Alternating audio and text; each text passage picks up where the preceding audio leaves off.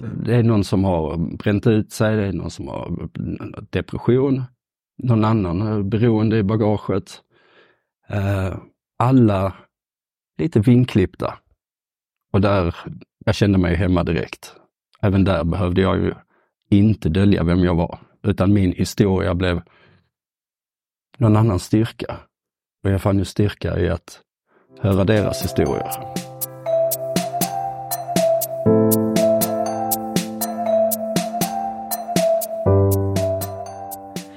Du lyssnar på Engagemanget och du hörde precis dagens gäst, Mattias Persson, verksamhetsledare på Skäggbyrån i Malmö. Och nej, det är ingen barberare jag har på besök, utan en engagerad Malmöbo som ägnar sina arbetsdagar åt att skapa den vänligaste, mest inbjudande och tillåtande arbetsplats du kan tänka dig. Och just det, så gör de grymt proffsiga produktioner inom webb och grafik samtidigt. I den här podden hör du samtal om hopp.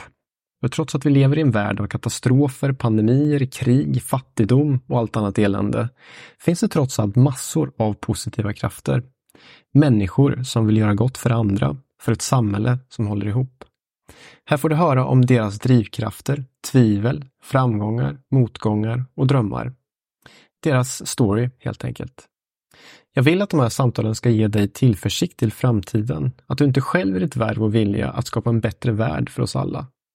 Min vision är att det här ska vara någon slags poddarnas hoppets hamn. Genom dessa berättelser kanske det till och med växer en gnista hos dig kring något du vill förändra och att du känner att det faktiskt är möjligt att ta saken i egna händer. Och när det gäller Mattias så kan jag bara ödmjukt tacka honom för att han så ärligt delade med sig av sin historia och vad Skäggbyrån betyder för honom och för andra som av olika anledningar hamnat snett eller inte riktigt passar in i de snäva normer som finns på arbetsmarknaden. Skäggbyrån ger dessa personer en chans att hitta tillbaka.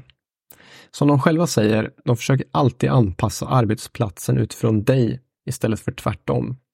Och jag kan inte låta bli att tänka, varför är det inte fler arbetsplatser som Skäggbyrån? Här får du ett samtal där vi varvar det personliga med det professionella. Där vi nog båda tror att arbetsmarknaden behöver se mänskliga resurser på ett bredare sätt. Där man utgår från vad man kan istället för vad man inte kan. Och där man tar hänsyn till hela människan. Där det får rymmas både styrkor och svagheter. Det här samtalet förgyllde verkligen min dag och jag hoppas att även du ska få mycket utbyte av att lyssna. Så nu till samtalet med Mattias. Håll till godo och hoppas att du ska gilla det.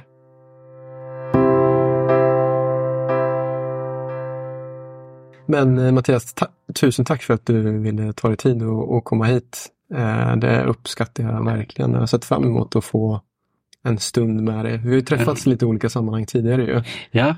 Och jag bara så här, ah, men jag vill veta lite mer eh, mm. om Skäggbyrån. Mm. Så här. Ja, det ska bli så, kul. Men eh, hur ska vi öppna det här? Ja, men, du kom precis tillbaka från semester va? Ja, jag sparar min eh, semester till föräldraledighet. Så jag går på mm. föräldraledigheten sista. Sista vad? Sista augusti. Jaha, okej. Okay. Så, så, du har inte varit ledig nu i sommar? Eller? Nej, jag har haft en, en vecka där jag var i svärföräldrarnas sommarhus mm. på Österlen. Uh, tyvärr väldigt kallt i vattnet, men uh, det är underbart alltid på Österlen. Ja, det är, ja, lemmarna fryser.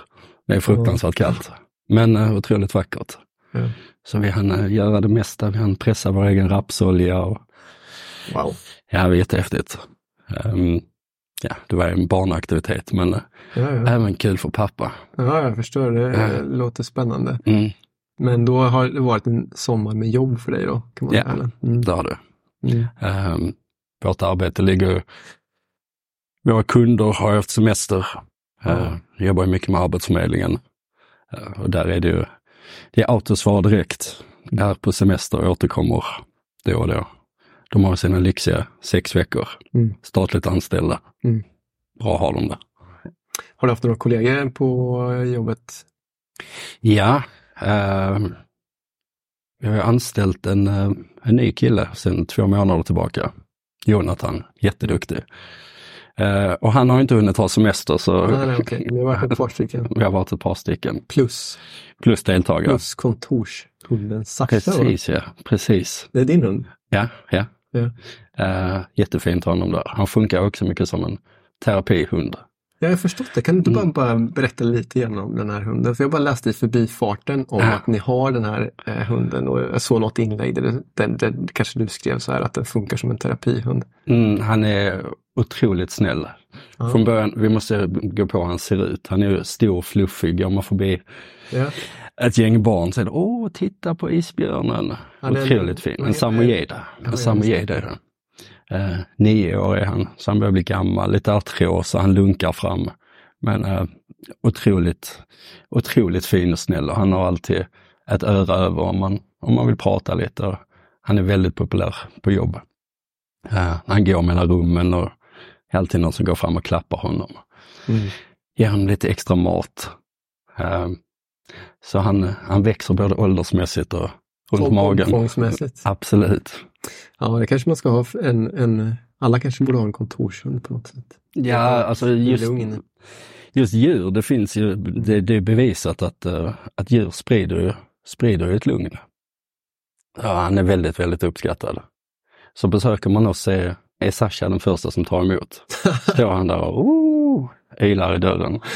Jag får komma och hälsa på er för jag, jag har inte varit på er, i ert nya kontor än. Så jag får komma och hälsa på er snart. Mm. Men du, vi måste nog faktiskt eh, backa några steg här. För jag nämnde ju att eh, ni heter Skäggbyrån och det är där jag tänkte att vi skulle ta Mm. utgångspunkt Mm. i, idag. Där är du verksamhetsansvarig, men vi måste nog reda ut namnet Skäggbyrån först. Mm. Så att eh, den som lyssnar här inte eh, missförstår någonting. Nej, precis. Äh, är- ofta vad så, är Skäggbyrån för någonting? ja, ofta tror man, är ni en barberare? Måste man ha skägg för att jobba hos er? Mm. Jag har hört det några gånger. Ja, jag har hört det. Mm. Eh, det behöver man inte. Uh, utan eh, skäggbyrån kommer från, uh, startade i Skäggetorp. En, eh, en liten stadsdel i Linköping. Ett av de här utsatta områdena vi har runt om i Sverige. Jag tror 61 stycken har vi från 60 förra året.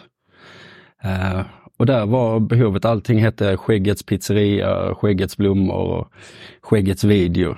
Och tänkte, ja men, ja, Skäggbyrån, det, det, låter, det låter bra. Så på den vägen är det. Skäggbyrån. Mm. Om du ska säga bara kort så här, vad ni sysslar med. Det är webb och grafik och det kommer att säga att eh, den här kreativiteten som finns i de här områdena.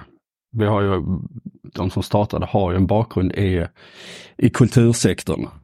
Och just i Skäggetorp så var det en, en, en kreativ kraft som, som, som killarna ville ta tillvara på. Så blev det dator, dator i framtiden och jobba med data. Ja, enkelt. och ni har funnits sedan 2016 eller 2015? eller? 2013 Jaha, så har funnits, så vi firar tio år i år. Eh, I Malmö har vi funnits sedan 2017. Har du varit där sedan dess? Eller? Jag kom till Skäggbyrån 2018. Okej. Mm. Eh, öppnade förra året i Stockholm och Katrineholm. Så vi har fyra filialer runt om i Sverige. Ja, just det. Så det växer lite grann. Det är ett stort behov av folk som, eh, som behöver komma i sysselsättning. Precis. Mm. Blir, blir det här behovet större, tror du? Eller har det blivit större? Eh, Jag, jag tror att behovet av att folk får en eh, meningsfull sysselsättning blir större. Och med meningsfull behöv, menar jag att göra någonting vettigt. Det kan inte vara att du, Arbetsförmedlingen säger nu ska du vara på ett ställe och där ska du sitta och skriva ditt CV i sex månader. Utan du måste känna dig behövd.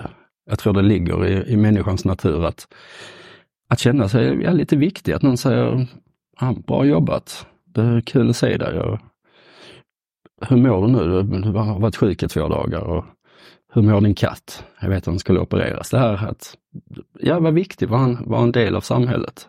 Mm. Vara i ett sammanhang. Det är där det viktiga ligger. För många, jag har ju själv min, min, min bakgrund liknar ju på många sätt de som kommer och arbetstränar på Skäggbyrån. Det liknar på många sätt samtidigt som det skiljer sig på en hel del. Mm. Vill du berätta? eh, För jag tänkte att vi skulle komma in på det också. Mm. Du får jättegärna dra lite grann kring din Absolut, egen jag bakgrund. vill försöka, göra en väldigt lång historia relativt kort. Mm. Så växte jag upp här i Malmö med Precis. mamma och pappa. Eh, I en klassisk dysfunktionell familj. Mm. Med- Vad betyder det? alltid? Ja, det är ju när familjen, när det är något som skaver i familjen. I mitt fall så var det ju alkoholproblem hos mina föräldrar. Det var mycket bråk, det var poliser som kom stup i kvarten och jag som liten pojke, jag tog på mig det här. Det är otroligt pinsamt att det kommer poliser hem till en. Eh, och det här att jag tar på mig en skam. Pinsamt att träffa grannarna dagen efter när mamma och pappa har bråkat och det har kommit poliser. Eh, efterhand så skildes mamma och pappa. Mamma försvann ut i periferin, jag träffade inte henne alls. Okej. Hon var ju borta ur mitt liv i 20 år. Ehm, jag hade det ganska bra. Jag var en duktig pojke, var duktig i skolan, spelade fotboll, hade vänner. Ehm, kände väl ett ganska lugn när de skilde sig. Det här man brukar höra att barn alltid tar skulden på sig för en skilsmässa. Så kände inte jag. Jag tyckte det var otroligt skönt. Ja, just det. Jag tyckte bara det var, det var ett lugn som inf- infann sig. Just det. Eh, jag, min pappa och min lillebror, kommer ihåg vi, varje fredag så efter skolan så, där ligger Möllans ost. Där låg ett ställe som heter Bamses grill. Där vi, Så Möllansost har inte alltid funnits där? nej, nej, det har det inte. Eh, där träffades vi efter skolan varje fredag, käkade hamburgare och invigde helgen med mys. Eh, livet hade sin gång och jag trivdes. Eh, men sen eh, strax efter studenten så dog min pappa. Knallefall. Eh, väldigt oväntat, en hjärtattack. Väldigt traumatiskt. Han, han dog hemma och jag fick se allting. Och det gick väldigt snabbt från det att jag gick från den här duktiga gossen till blev minst sagt väldigt strulig. Och med strulig menar jag att eh, jag började först dricka. Sen tröttnade jag på att dricka och övergick till droger. Och eh, började den här små skalan med, med festande med kompisar. Vi träffades på fredag, men när kompisarna gick hem och sov ruset av sig så, så fortsatte jag. Jag kunde inte sluta. Eh, så jag utvecklade ett beroende. Och jag har förstått nu i efterhand att eh, jag har ju fyllt en, en, en stor sorg i mitt bröst. Jag, eh, det blev värre och värre. Jag gjorde mig av med alla mina kompisar, min lillebror.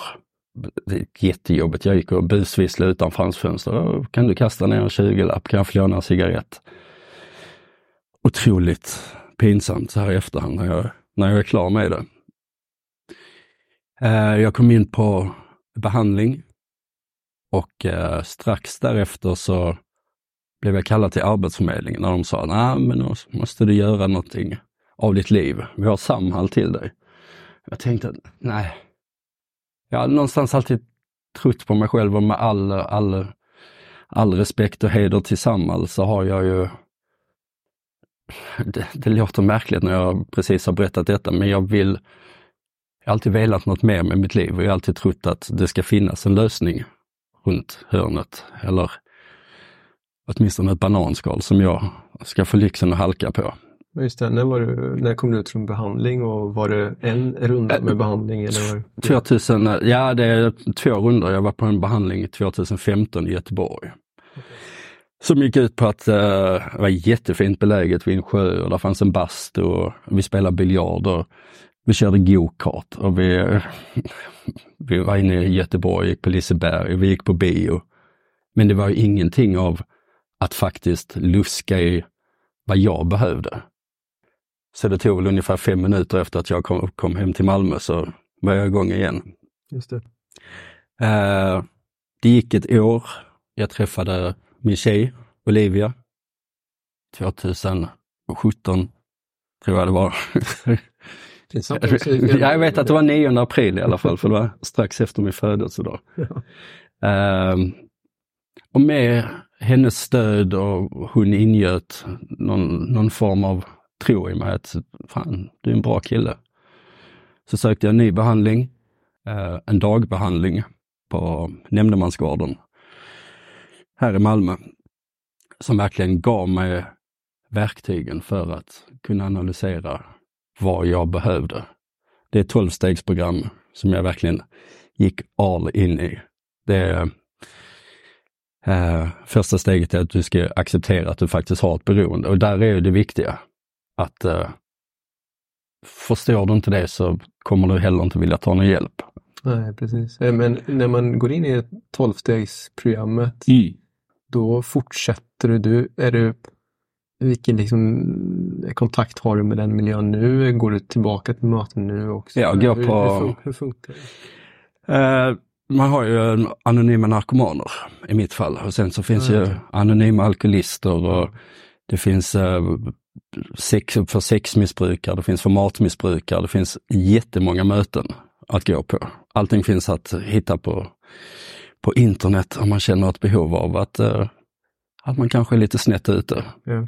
Så finns, finns alla, all information att hitta på, på nätet. Men ett möte går till som, ja, har säkert sett på någon film. Man Det går sitter- till så? Eh, Det går till så. Man sitter i ett rum och säger, hej jag heter Mattias, jag, jag, är, jag är beroende. Ja, hej Mattias. Och så tar man ett djupt andetag och säger man, jaha, var är jag idag? Ja, och så kommer det. Och så då, man bara delar och ingen får avbryta en. Man får inte kommentera vad någon annan har sagt. Och sen så kramas man lite, dricker mycket kaffe och går hem. Det känns som en fin... Eh, Ja, jättefin, Miljö. det är en jättefin gemenskap. tänker att egentligen att fler, även med personer som Mm. inte har ett beroende, skulle Mm. behöva den typen av gemenskap på något sätt. Absolut. För det känns ju som att det finns en Mm. stor, på tal om acceptans, Mm. så finns det total acceptans i ett sånt rum Mm. för Ja, allt Mm. skit vad det än kan vara. Liksom. Det är ingen som dömer en för något. Är, alla har varit med om ungefär samma sak. Ja, det finns en styrka i det. Ja. Men på tal om det vi pratade om innan vi började spela in så Mm. pratade vi också om här, föräldraskapet och hur Mm. svårt det är. Mm. Och, eh, att eh, acceptans Mm. är helt grundläggande. Mm.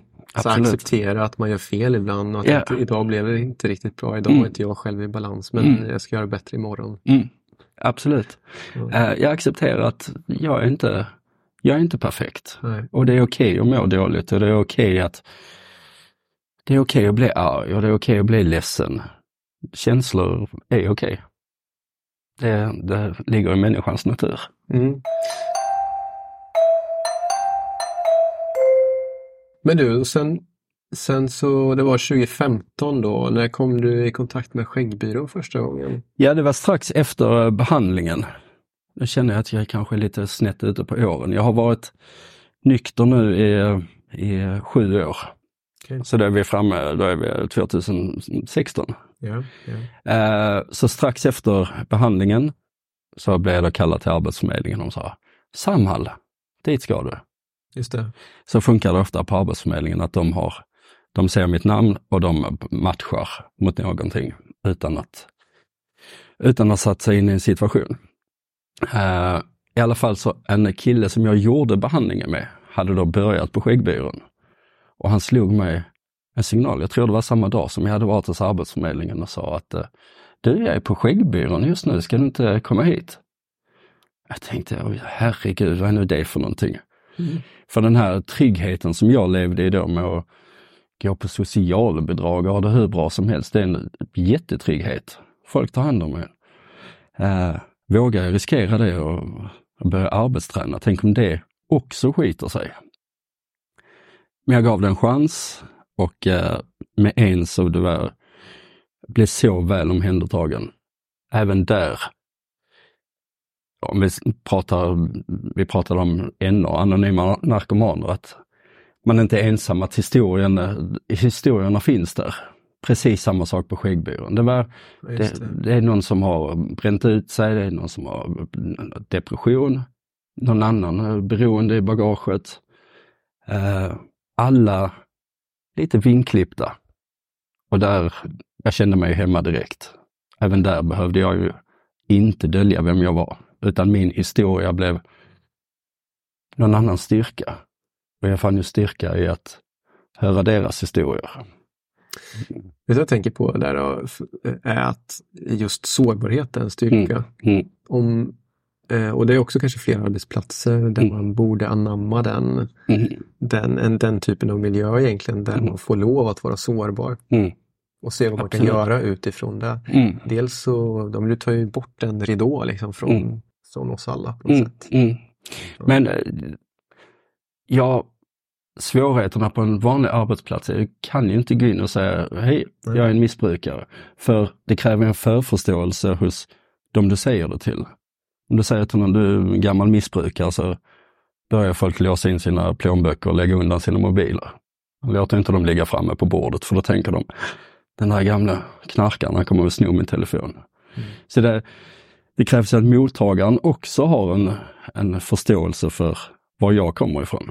Absolut, det krävs en helt annan eh, typ av kultur på arbetsplatsen. Mm. Det är väl liksom där jag var ute efter Mm. eh, här. Mm. Men du, sen så, sen så jobbar du där, alltså, nu är du verksamhetsledare, men det blev Mm. du väl inte med en gång antar jag? Jag började arbetsträna och eh, efter åtta månader så slutade den här killen, Pelle. Och så sa han till eh, mig och min kollega Sofie att eh, nu gör vi så här, jag ska sluta och ni två tar över. Och då tänkte väl jag och Sofie att hjälp, hur ska det här gå till? hur ska Och ni få- ja. ja, ja, absolut. Ja. och vi körde på och eh, vi lärde oss ganska snabbt. Ehm, och idag, idag har vi, går det bättre än någonsin. Vi har bytt till nya fina lokaler på, på Celsiusgatan. Vi satt då på Norra Grängesbergsgatan. Hela Skäggbyrån börjar ju i ett rum som är ungefär lika stort som det vi sitter i nu. Och vad är detta? Det är väl eh, Sex kvadrat kanske? sex kvadrat. Mm. Mm, där hade vi några bord och inga stolar och stod upp där med våra datorer. Och idag har vi, ja, det är jättefint Ja. och verkligen eh, satt vår prägel på det. Så, Det här är en resa ni har gjort med det. mm, Verkligen. det Men du, att vara verksamhetsledare då mm, för Skäggbyrån just, ja, tänker jag ett allt i allo arbete, mm, eller? ja, Skäggbyrån är ju ett socialt företag. Och Ja, eh, vara verksamhetsledare på ett socialt företag, det inbegriper allt från att eh, städa toaletter till att ha kontakt med Arbetsförmedlingen, till att vara en, en stöttande vän mot, eh, mot folk som kommer till oss, som ofta inte har det lätt. Det är ju, de lever ju i någon form av utanförskap. Eh, ofta ekonomiskt trångmål. Så det är, det är tungt att höra vissa historier. Så ibland bara vara en, en axel att låta någon trösta sig mot. Så det är verksamhetsansvarig, det, det låter väldigt flott och det är någonting jag gärna, gärna berättar att jag är. Men eh, i praktiken så är det verkligen, eh, det är allt mellan himmel och jord. Jag skrubbar toaletter och jag, jag gör det mesta. Kul jättekul. Det är jättekul. Kul få den omväxlingen. Äh, verkligen. Ingen dag är den andra lik. Verkligen. Så det är allt mellan himmel och jord. Men eh, i min arbetsbeskrivning så är jag då verksamhetsansvarig och jag har kontakt med Arbetsförmedlingen, hjälper till med Försäkringskassan, vårdkontakter, eh, ser till att folk får förlängningar hos oss. Eh, ofta tas ju beslut från Arbetsförmedlingen på tre månader, vilket är på tok för lite. Jag vet ju att eh, det tar tid att bygga upp sig själv och det gör du inte på tre månader. Utan det behöver minst ett år, vilket ofta är maxbeslut. Arbetsförmedlingen kan ta. Men på ett år hinner vi ändå börja rodda i det. Du Mattias, ni är ett eh, socialt företag, eh, sa du. Mm. Det tror jag inte alla vet vad det är. Hur, och det finns ju olika sätt att förklara vad ett socialt företag är. Ja, Men hur, hur gör ni när ni beskriver vad, vad det är för någonting? Då säger vi det så, skillnaden mot andra företag är att vi har som övergripande ändamål att genom arbete och delaktighet integrera människor i både arbetsliv och samhälle. Eh, vi har två syften. Dels så det jag precis nämnde, men att vi även då säljer en faktisk tjänst. Eh, I vårt fall hemsidor, logotyper, roll-upper, allt som har med det digitala att göra. Så människor arbetar delaktighet i riktiga arbeten. Precis. För det är superviktigt att känna sig behövd. Så om ni gör en vinst 2023, vad händer med den vinsten? Den återinvesteras in i företaget. I form av då vi har flyttat till nya lokaler, köpa datorer, köpa fotoutrustning, anställa. Ehm, Så det, det, det är ett kretslopp av pengarna, så det går alltid in tillbaka i företaget. Mm. Och det är det som är så fint att det finns inga giriga ägare eller aktieägare eller vad, vad som helst, utan pengarna är, det, det kommer till ett gott ändamål. Jag tycker när man ser på Skäggbyrån också att eh, ni levererar ju eh, produkter av hög kvalitet. Mm. Så det, ibland man tänker så här, det är ett socialt företag Mm. så att, att, att det inte finns lika höga krav Mm. på ett socialt företag Mm. att leverera Mm. eh, produkterna. Liksom. Precis. Men när man ser på det ni gör så är det ju väldigt hög kvalitet på det. Och- Och det är inte meningen Nej, att nej, nej, jag förstår. i det, utan det finns en, ett värde i att som ett socialt företag säga Mm. så här, vi har det här övergripande ändamålet, Mm. men vi kommer också leverera en jävligt bra produkt. Absolut. Och Absolut. att de som jobbar i Mm. Skäggbyrån känner att de är delaktiga i att Mm.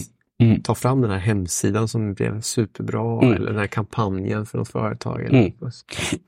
Ja, det, det är ju, ursäkta. Eh, det är det att vi alla har så otroligt stora kompetenser. Mm. Eh, person X kan det och person Y kan det och tillsammans sätter de ihop någonting. Så vi jobbar tillsammans och resultatet blir alltid verkligen kanon. Men jag stöter på ofta den fördomen att men i ett socialt företag, hur bra kan det bli och vad ska ni ha betalt för det ni gör? Varför ska ni ha det? eh, men det, skillnaden är också att vi jobbar inte under press, vi har inga deadlines, utan när en vanlig webbyrå tar tre veckor på att göra produkten så kanske vi tar nio eller elva eller tolv om det skulle behövas. För det kan inte bli kontraproduktivt att kom, folk kommer till oss med en utbrändhet och sen så står vi där med piskan, utan det ska vara du gör ett jobb, du växer, produkten blir färdig när den blir färdig. Du får ha ditt namn på det, du får ett CV. Det, ja, det är ett, det är ett, Ja. ett socialt mervärde av hela arbetet. Ibland tänker jag att det är mer rimligt tempo Mm, som du beskriver nu. absolut. Alltså ett, ett, ett mer mänskligt tempo Mm, än eh, vad folk flest är vana vid. mm, Så allting ska gå fortare och fortare hela tiden. Vi ska Mm. göra mer och mer. Mm. Men ja, tiden är ju konstant. Vi har Mm. lika mycket tid varje dag. absolut. Men vi väljer ju också att se till människans behov. Du är inte på topp varje dag. Ibland behöver du kanske bara komma till jobbet och dricka en kopp kaffe och vräka av dig. Du är ledsen och vill bara prata med någon. Då får jag arbetet ligga lite på, på vänt till, till det är färdigt. Och det låter kanske osannolikt att en arbetsplats kan fungera så, men det fungerar. För du tar igen den arbetstiden sen. Det, det blir bara kontraproduktivt att, stressa fram någonting. Kan du ge några exempel på kunder ni har då? Vad... Vi väljer gärna att jobba med kunder som, som eh, liknar oss på många sätt. Vi har ju gjort logotyp bland annat till Matmissionen. Ja.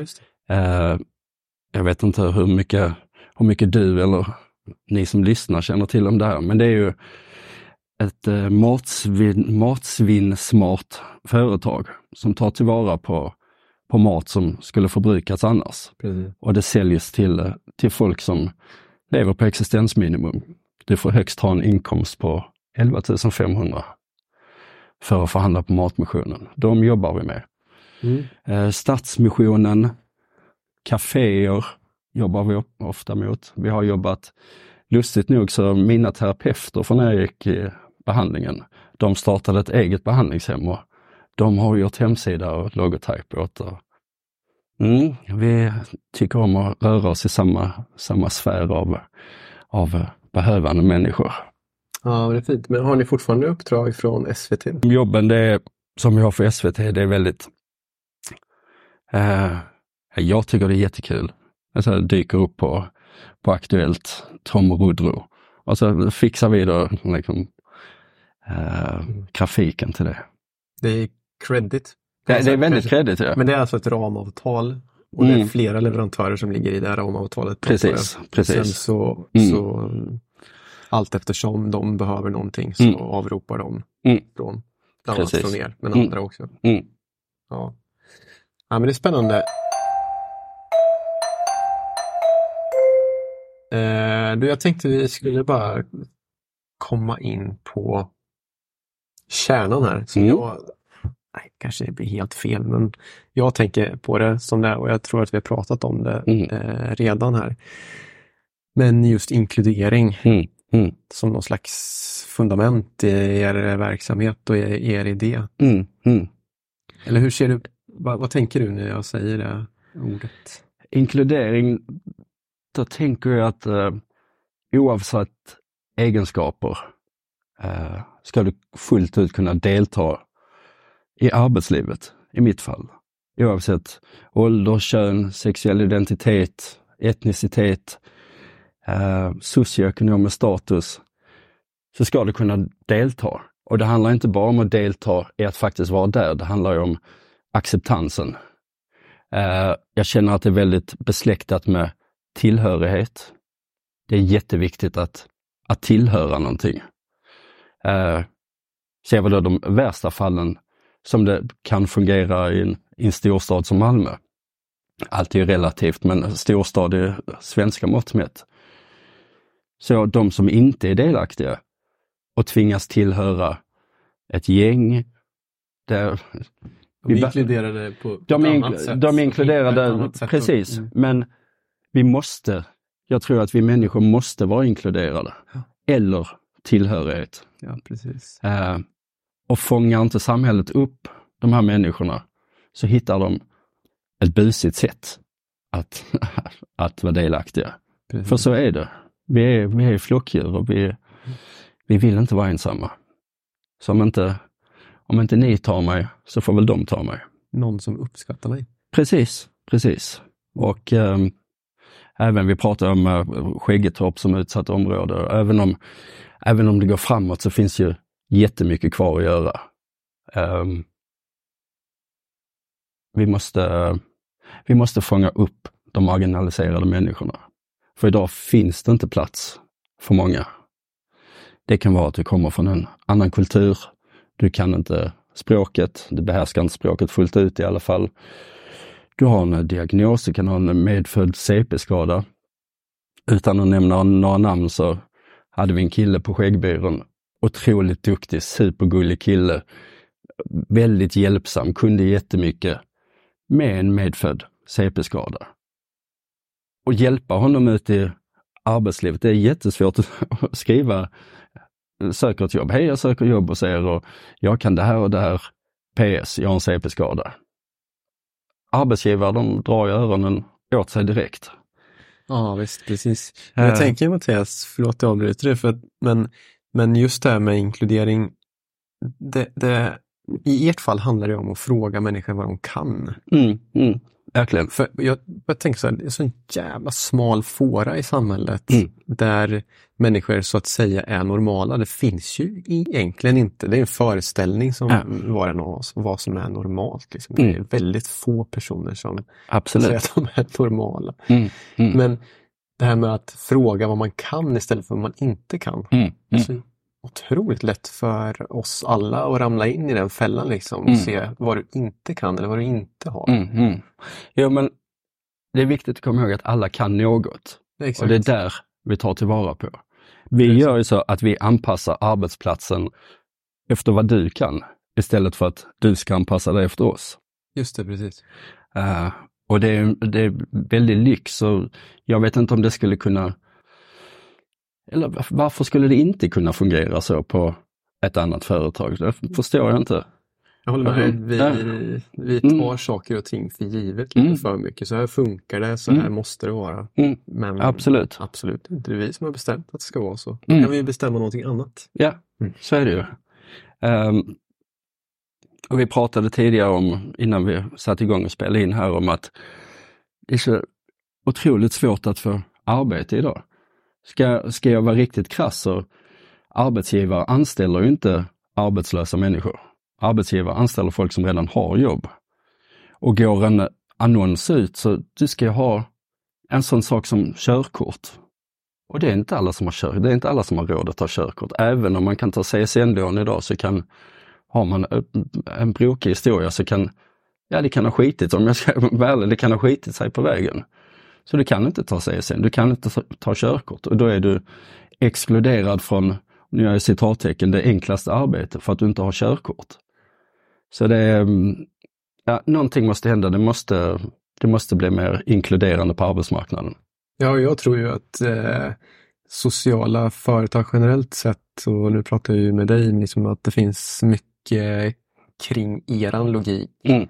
eh, i Skäggbyrån att lära sig mm. från. Mm. Från andra arbetsgivare, så mm. kallade normala arbetsgivare, om jag ska använda det mm. begreppet. Eh, ja, vad var det jag tänkte på att komma tillbaka till? Jo, eh, om eh, det här med att vara ett socialt företag och det kanske mm. tangerar det jag sa precis här. Men hur tänker du om att ni kan vara en drivkraft eh, framåt för här, den här inkluderande arbetsmarknaden som vi pratar om? Genom att visa att det fungerar. Ja. Alltså vi får ju, vi, vi växer, vi gör ett otroligt bra jobb och vi jobbar med våra knepiga metoder. kan komma en kund till oss och säga, skulle ni kunna göra det här till oss? Och då säger vi, absolut, det fixar vi. Och tillsammans så löser vi det. Alltså vi löser det. det är, vi är ett gäng med så otroligt bred kompetens. Tillsammans så kan vi klara allt. Och det visar att det fungerar. Det är så vi kan vara en drivkraft framåt. Mm. När man kommer till er och, och arbetstränar, mm. vad händer då? Äh, hur går det till första dagen och sen hur, hur, vad, vad är det man gör? Vi har ju alltid tagit ett första möte mm. eh, där personen har varit hos oss på ett studiebesök, eh, känner lite på varandra, framförallt vill du vara här?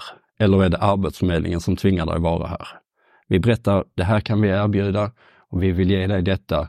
Men vill du detta? För annars är det helt meningslöst. Det här med acceptans, acceptera var du är någonstans. Vill du? Eh, oftast vill personen det och då kommer de till oss och då har vi tagit reda på just det där, vad kan du? Och då förädlar vi det här, vad du kan. Sätter in antingen i ett befintligt projekt eller du kanske vill köra ditt eget race och köra på något projekt du har tänkt, oh det skulle varit häftigt att haft en, en livescore-app. Uh, med alla fotbollsresultat. Vi har en kille hos oss just nu som ska sätta ihop en livescore-app. Uh, otroligt stort jobb. Det låter stort. Uh, stort ja, otroligt stort. Uh, men han kör på det och han är superduktig. Så där, vad kan du? Kör på ditt race. Antingen kör du i det befintliga projektet eller ditt eget eller så börjar vi i, i, en, i en lagom dos. Vi börjar aldrig på några 40 timmar i veckan. Ja, Utan kommer du från Kommer du från en lång tid utan, utanför arbetsmarknaden så börjar du på två timmar om dagen, kanske tre dagar i veckan. Till en början komma och dricka kaffe, lära känna folket. Börja där och allt efterhand då successivt öka i tid och, och uppgifter. Då är det viljan att vara hos Skäggbyrån som är avgörande som du sa. Absolut. Ja. Behöver man eh, kunna någonting om webb och grafik? Du, jag, eh, jag kan fortfarande knappt någonting. Jag, som sagt, min, min roll är något annat. Nej, absolut inte. Utan uh, viljan av att göra någonting. Sen är ju webb och grafik, det är ju väldigt brett. Det är ju väldigt brett. Vi har eh, folk hos som musiker, konstnärer som har jobbat på att göra sig en booklet och Nej, du behöver inte kunna någonting om Men en vilja att jobba vill... kreativt? Eh, en kreativ ådra är ju, ja. är ju att föredra. Sen är ju kreativiteten är ju, det är ju det är ett brett begrepp. Alltså du kan vara kreativ på väldigt, på väldigt många sätt. Mm. En kreativitet att, att vilja leva i många fall. Och det, det är där vi söker vi, har, vi är alltid väldigt gott gäng där. eh, av människor som faktiskt vill någonting. Precis, men då är det ju, det är en ruljans av människor som Mm. är inom skäggbyrån. Eller? Mm. För då arbetstränar man i högst, vad sa du, ett år? Ett år, ja. Och sen så har inte ni eh, eh, möjlighet att anställa alla som är arbetstränare. Nej, och så tyvärr. Utan, Mm.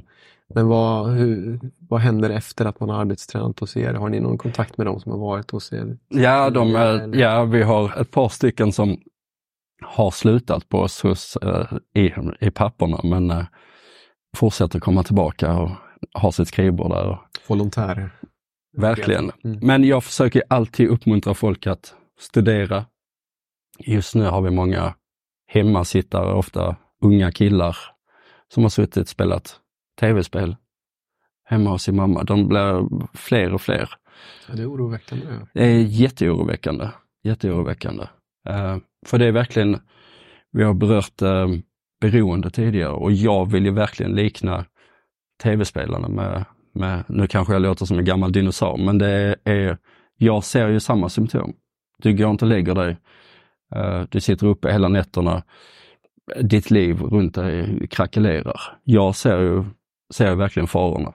Absolut. Det var Mm. ett stort uppslag i, i vår lokaltidning, då, Sydsvenskan, Mm. om just spelberoende. Det Intressant. en eh, intervju med en, en ung kille där Ja. som just, Mm. eh, som du beskriver, var hemmasittare. Mm, mm, Satt bara och spelade tv-spel. ja. Och det är ju, ja men det är beroende. Mm, ja, verkligen. Det är dess så, renaste så, form. Såklart, vad spelar man kanske 12 timmar om dagen? Ja. Det tar Mm. ju all din tid i ditt Mm. liv. Mm, absolut. Mm. Eh, om för, för en sån person så är det steget jättelångt att komma ut och, och umgås med andra människor. Du har gjort det. Du har suttit hemma så länge. Ofta min erfarenhet har hoppat av skolan och ja. Men det är, för att återgå till eh, vad som händer efter skäggbyrån, så jag uppmuntrar ju alltid till att plugga, plugga, plugga, plugga. Återuppta dina studier. Se till att du tar dina gymnasiebetyg. För det är så otroligt tufft. Det är, det är en hård värld där ute. Så utan betyg så, så blir det tyvärr väldigt, det blir väldigt svårt. Om du inte skapar ditt eget. Det är också det här webb och grafik och hela det nya media, mediet med, med internet. Det kanske inte är så jäkla nytt längre, men eh, på tal om att vara en gammal dinosaur. Men eh, Youtube och allting. Gud, jag låter gammal här ja. Men eh, du kan ju verkligen, du kan ju sälja, du kan ju sälja från datorn hemma. Eh, men du måste ha lite driv. Du måste ha drivet. Det, det får du inte genom att, att bara sitta hemma. Nej, precis. Nej, men jag, jag tänker på det, att det är oroväckande utveckling med eh, hemmasittare. Mm. Så pratar man ju om, men det, det är också oroväckande utveckling kring psykisk hälsa Mm. generellt sett. Mm. Tänker jag. Verkligen. Vi nämnde så här utbrändhet till Mm. exempel. Mm. Och att folk ska göra mer på sitt arbete men vi har samma antal timmar Mm. eh, på dygnet. Mm. Eh, Mm. Det ser väl ni också en del av? Eh, Absolut, ja. Absolut. mm. Och det, även om det stigmat för psykisk ohälsa börjar bli allt mindre så är min upplevelse att folk mår allt sämre. Men det är väl lite som du säger med att timmarna räcker inte till. Ovanpå det så har du ju, du ska träna och du ska laga mat och du ska ibland lämna barnen på, på förskolan om man har sådana. Allting annat, livet, i det här eh, hjulet av, eh, av att prestera. Eh, det är ett begränsat antal arbetsplatser så du får lägga mycket, mycket fokus. Eh, Och psykisk ohälsa, ja, det, det lå- låter kanske lite som en klyscha, men det är viktigt att tala om det och jag tror att det är viktigt att, att vi är öppna med det. Jag mår, jag mår inte bra. Och det är helt okej. Det är helt okej att inte må bra. På tal om sårbarhet också, att, Mm. att kunna Precis. vara öppen med det. Precis. Det öppnar upp, om du, om du säger det till mig, så Mm. öppnar det upp någonting i, i, i mig också. Att jag Mm. vågar ta det steget och säga, Mm. nej men jag har inte heller mått bra i Mm. perioder, eller jag mår inte bra nu. Nej, nej. Ja, då kan vi- Finns det styrka i det? Ja, och mötas där och återigen acceptans Ja. för sig själv, för varandra. Men det är så slående Mattias tycker jag. Det har jag tänkt på väldigt mycket. Att vi har det så bra som vi aldrig haft i Mm. historien. Vi har i princip allt Mm. och mycket, mycket mer. Mm. Och så mår vi Mm. sämre. Mm. Ja, och vad det beror på det det, det, det är en stor fråga. Jag tror ju att begränsa, leva lite mer minimalistiskt, inte hela tiden vilja ha något nytt utan vara nöjd. Ja, för det handlar ju ofta om materiella saker. Mm. Absolut, så är det ju. Du ska ha en ny bi- bil, ny tv, du ska Mm. bo på ett speciellt sätt, Mm. ett speciellt område Mm. Mm. eh, och så vidare och så vidare. Så det Mm. tar aldrig slut. Mm. Ja, där tror jag viktigt att vara nöjd. Ja. nöjd. Ja. Och personligen så, jag är nöjd. Jag är, jag är nöjd. Jag har, det, jag har ett jättefint liv. Jag har en fin tjej jag älskar. Jag har två fina pojkar. Jag har en hund. Jag har nå- någonstans att bo. Jag har ett arbete med fantastiska kollegor. Jag får höra otroliga historier varje dag. Jag, jag skrattar, jag gråter. Jag har det hur bra som helst. Jag är nöjd. Det låter fantastiskt Mattias. Jag tror Mm. att vi ska börja röra oss mot att runda av Mm. eh, med de orden. Men eh, jag skulle också vilja avsluta med att fråga dig kring eh, om man är mer nyfiken på Skäggbyrån. Mm. Och det är två olika eh, målgrupper jag tänker på Mm. där. Dels eh, potentiella kunder Mm. och dels eh, potentiella personer som vill arbetsträna eller söka jobb hos er. Mm. Mm. Vart eh, vänder man sig? Ja, vi finns ju på internet, skäggbyrån.se. Eh, följ oss gärna på Instagram, Ja. skäggbyrån understreck Malmö. Eller så når ni mig på mattias.persson att skäggbyrån utan prickar.se. Mm. Och man behöver alltså inte ha några speciella erfarenheter sedan tidigare om man ska arbetsträna hos er om man är intresserad av det. Det du behöver ha är en vilja, En passion du, för en passion. Mm. Du vill någonting. Vad tror du om att avrunda så? Det tycker jag låter bra. Det tror jag också. Ja. Tusen tack eh, Mattias för att du vara med. Tack ska du ha Tom.